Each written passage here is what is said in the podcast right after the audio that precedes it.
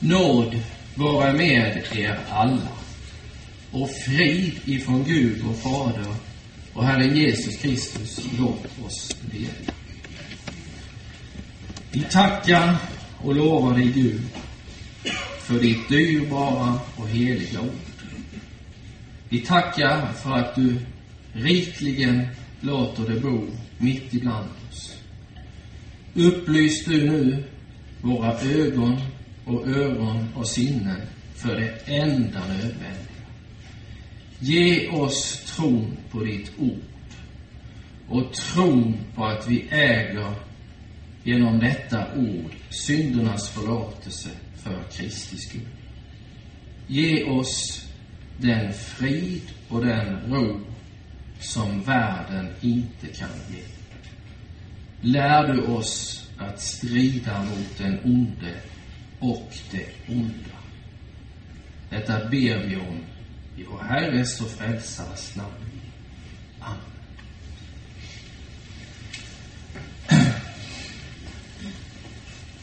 Kära församling, kära vänner i Kristus Jesus. Förra söndagen, den andra söndagen i fastan, så talade vi om kampen inne i människan. Vi talade om att vi skulle kämpa trons goda kamp och vinna det eviga livet vartill vi hade blivit kallade. Denna söndag så flyttas kampen utanför oss, men den drabbar oss ändå. Det är alla den ondes glödande pilar som skjuts mot oss på ett eller annat sätt. Våra texter denna söndag, de är väldigt konkreta. Det är mycket ett antingen-ett. Det är ljuset och det är mörkret. Det är det goda som strider för oss och det är det onda som strider mot oss. Det är försvararen som sitter på Guds högra sida och talar väl för oss inför Fadern. Och det är åklagaren som hela tiden vill få oss bort ifrån ordet.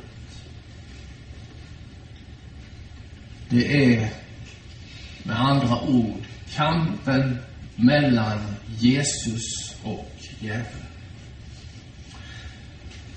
Varför spetsas det till på detta sätt? Jo, våra texter, Bibelns hela budskap, vill med allvar tala till dig som har kommit till kyrkan idag. Att det finns bara två vägar att gå.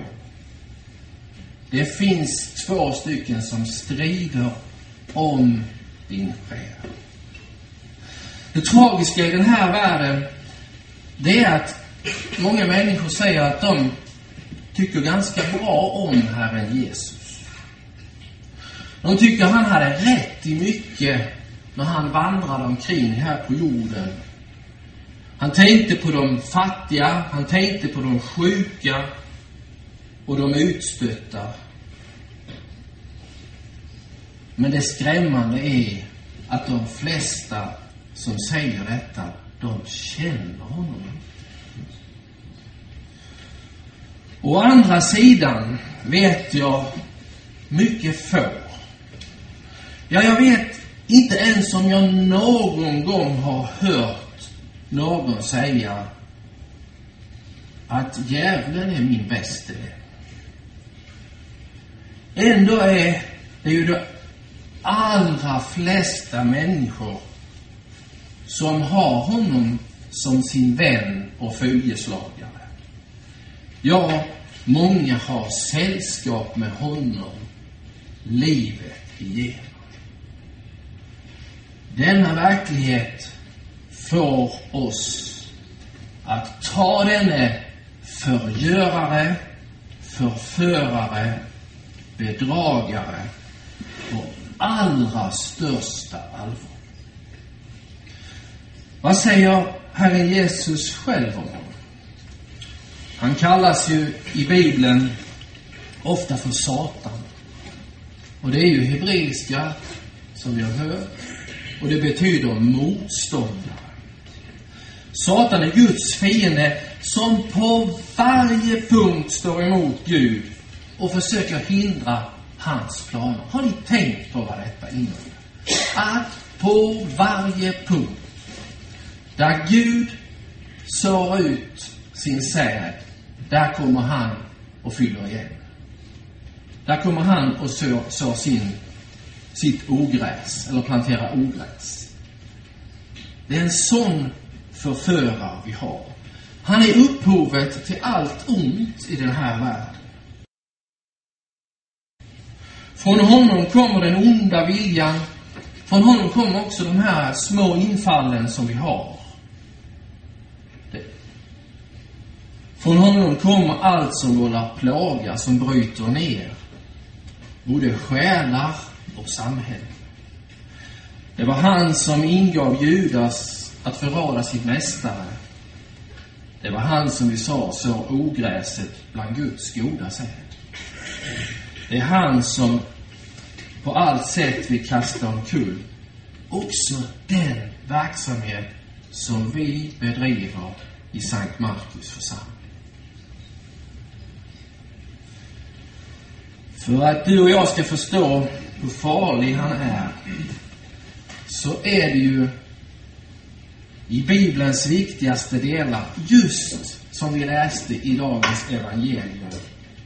I evangelierna som vi möter djävulen som en realitet eller verklighet. Vi sa i vår inledning att han kallas åklagaren. Det påminner om andra sidan av hans väsen. Han anklagar oss inför Gud. När han väl fått oss att avfalla så har han sin lust i att vi är utestängda från Guds rike. Det är så illa som skriften säger att man kan verkligen bli vad Jesus kallar och som han talade så allvarligt till judarna som inte ville lyssna på honom. Ni har djävulen till er far, sa han. Han stack inte under stol med detta. Ondskans barn har vi också hört, eller läser vi i vår bibel, som gör vad deras fader vill. Han kallas förstöraren eftersom han har sin glädje att bringa människor i fördärvet. På samma sätt kan Satan bara riktigt förstås som episten säger, världsfursten, som har makt som visserligen är osynlig för våra ögon, men blir både synlig och tydlig när många, många människor tar sin tillflykt till hans tomhet och hans tomma ord. Eller som vi säger, hans intigheter. Han härskar vida mer och på ett mycket djupare och på ett bredare plan än vi någonsin kan fatta. När Jesus samlar lärjungarna i Betania, som vi ska strax läsa om, om några veckor, där han tar sin tillflykt strax före, eller när stilla veckan bryter in. Då är det första han säger till sina lärjungar, nu skall denna världens furste kastas ut.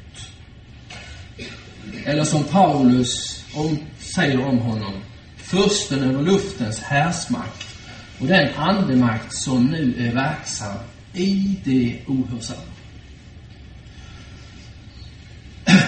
Han som, eller Satan som själv beskriver sig med det frestande löftet som vi hörde på först, i första söndagen i fastan. Alla riken skulle Herren Jesus få, bara han föll ner och tillbad honom. Detta är den fulla och hela innebörden i motsats, motsättningen mellan Jesus och djävulen. Vi hade på bilden här, om vi projicerade, armbrytningen mellan frestaren och djävulen. Men det är ju så här, han har styrka, han har makt, men Jesus har någonting som han inte har, förresten. Han har ordet. Ett ord kan honom fälla. Det är överflödigt att säga, men vi förstår nog alla att hade det inte funnits någon fiende eller motståndare till Guds dyrbara ord, då hade vi inte behövt den här talarstolen. Då hade det inte funnits någon som går omkring som ett rytande lejon och söker upp vem det månde vara. Hade det inte funnits någon som går omkring som ett rytande lejon, då hade vi inte heller behövt sjunga Tag mig då, Herre, upp till ditt barn. Lös mig från alla djävulens garn. Lär mig att leva, leva för dig, glad i din kärlek, offrande mig. Gud vill med sitt ord föra dig och alla människor bort från hans tänkesätt. Vi är nog så oerhört influerade av den här tiden, av den här världen, så att vi kanske inte ibland riktigt förstår det. Vi matas i dagens kommunikativa samhälle med de ena värderingarna efter de andra. Och de har det som är så illa med sig att de trubbar av våra sinnen. De angriper vår tro.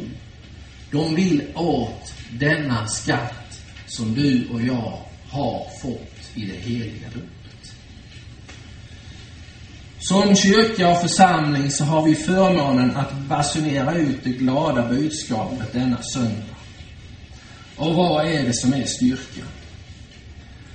Johannes säger det i sin epistel. Jesus kom för att göra djävulens gärning om intet. Guds son uppenbarades för denna goda sak, för att rädda dig.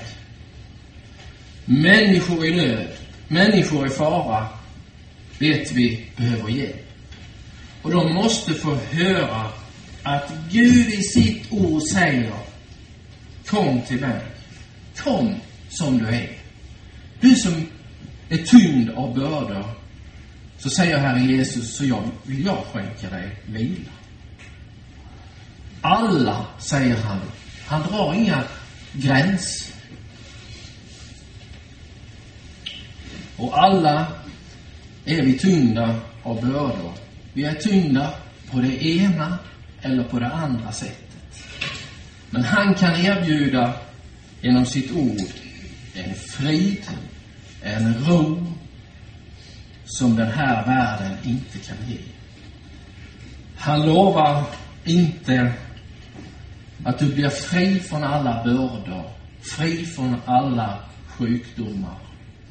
Men han lovar att hjälpa dig och bära din börda. Det står i en psalmvers, det var mellan mörkret och ljuset en strid. Dock segrade ljuset för evig tid.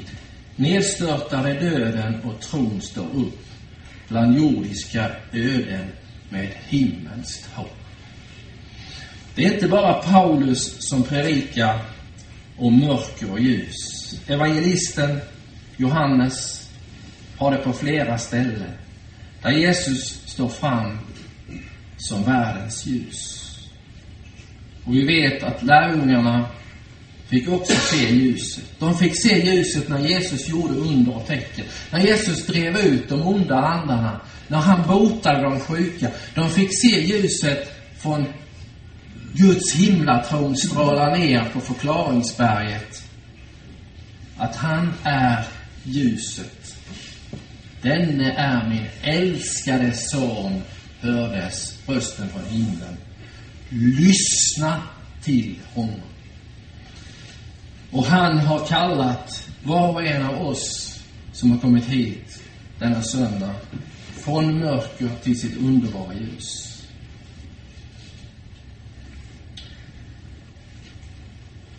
Det är ljuset som är Guds, inte mörkret. Om ni tänker på skapelsen, vad var det som fanns från början? Mörkret fanns där. Redan före skapelsen, och varifrån det kom, det vet vi inte. Men vi läser att det var mörkt. Det bara finns som en tomhet där.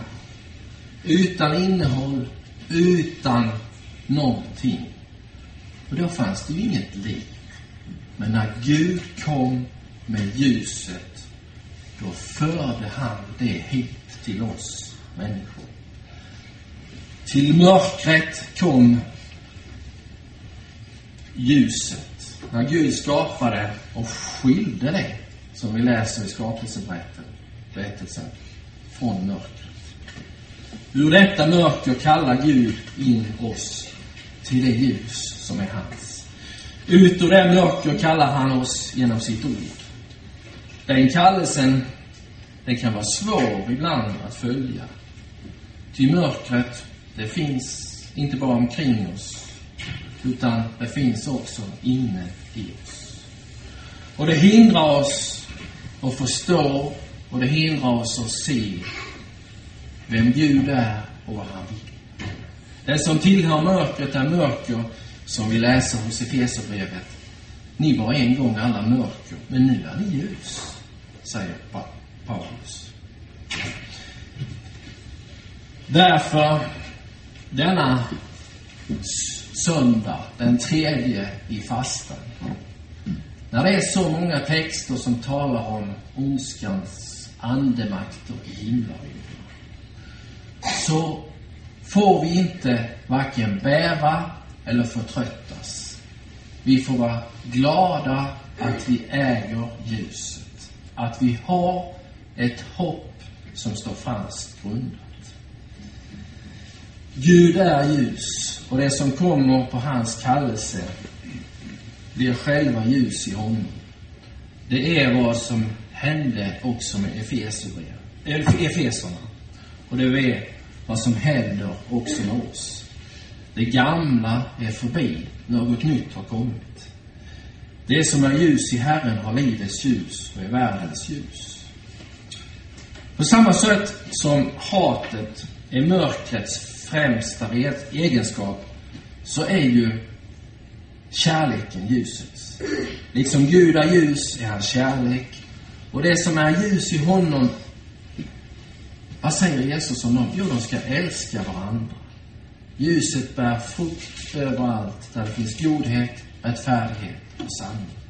Det är det som är det underbara när vi firar gudstjänst, när vi har bibelstudier, när ordet läses, när ordet förklaras.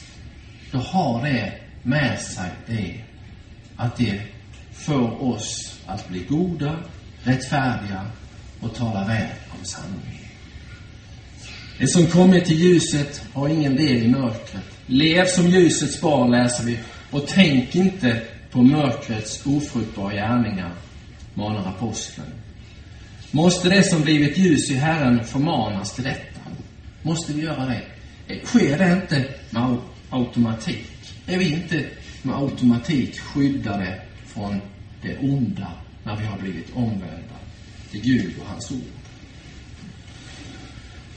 Nej, utan denne onde fienden har vi att strida mot till vi ligger i graven. Det är en sanning som vi inte kan förneka. Men mitt i allt detta så får vi vara glada. Luther han skrev i en av sina absolut bästa skrifter om en kristen människas frihet. Han uttryckte där, han vet, visste om vad det var och var ansatt från påven, från kungar, från kejsare, var fredlös. Vem som helst kunde ta hans liv. Och mitt i allt detta kunde han ändå skriva om en kristen människas frihet. Han uttryckte där den glädje som det var att vila i Guds trygga händer. Han var fri från påven, han var fri från avlaten. Fri från den onde som hade plågat honom i klostret så många dagar och så många timmar som hade hela tiden påmint honom. Har du gjort tillräckligt? Har du ångrat dig? Han kände inte Guds frikännande dom att han har lyft av din börda. Fri från den onde som plågat honom med sina gärningar i så många år. Vi ska avsluta med att läsa ett litet stycke från denna eminenta skrift som förhoppningsvis kommer ut i nytryck på Bibelkums förlag om några veckor. När nu människan, säger Luther, genom buden har lärt sig och insett sin oförmåga drabbas hon av ängslan över hur hon ska uppfylla Guds krav. Eftersom budet måste uppfyllas om hon inte ska bli fördömd blir hon mycket förödmjukad och tillintetgjord i egna ögon. Hon finner ingenting hos sig själv som kan göra henne salig. Så säger Luther, då kommer det andra ordet, Guds löfte och erbjudande. Vill du uppfylla alla bud och bli fri från dina synder och onda begär, så som buden kräver och fordrar, hör då på. Tro på Kristus. I och genom honom erbjuder jag dig all nåd, all rättfärdighet, all frid och frihet. Tror du, så har du detta.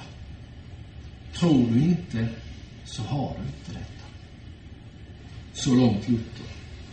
Vad vill han säga? Ljusets barn lever inte ensamma i mörkret. Gud själv, som inte har någon del i mörkret och som i allt är dess motsats, har själv gått in i mörkret för att lysa ut ur det. Ur detta mörker har han kallat dig. Han har lovat att skydda och bevara dig från allt ont och från all fara. Ja, även på kvällen när du går och lägger dig så kan vi med de små barnen sjunga Mitt hjärtas sol, min Jesus kär. Det är ej natt om du är när. Och så kommer det. Men Herre, jaga undan skyn.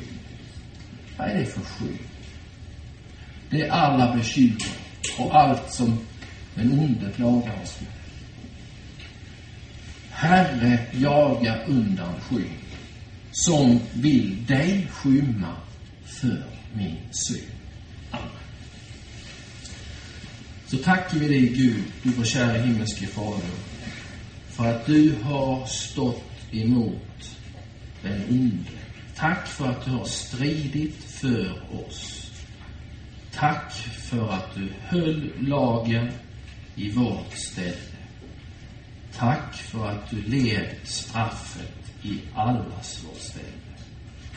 Herre, inskriv du nu ditt ord i allas våra hjärtan så det blir oss till varning och förmaning, men också till glädje och tröst.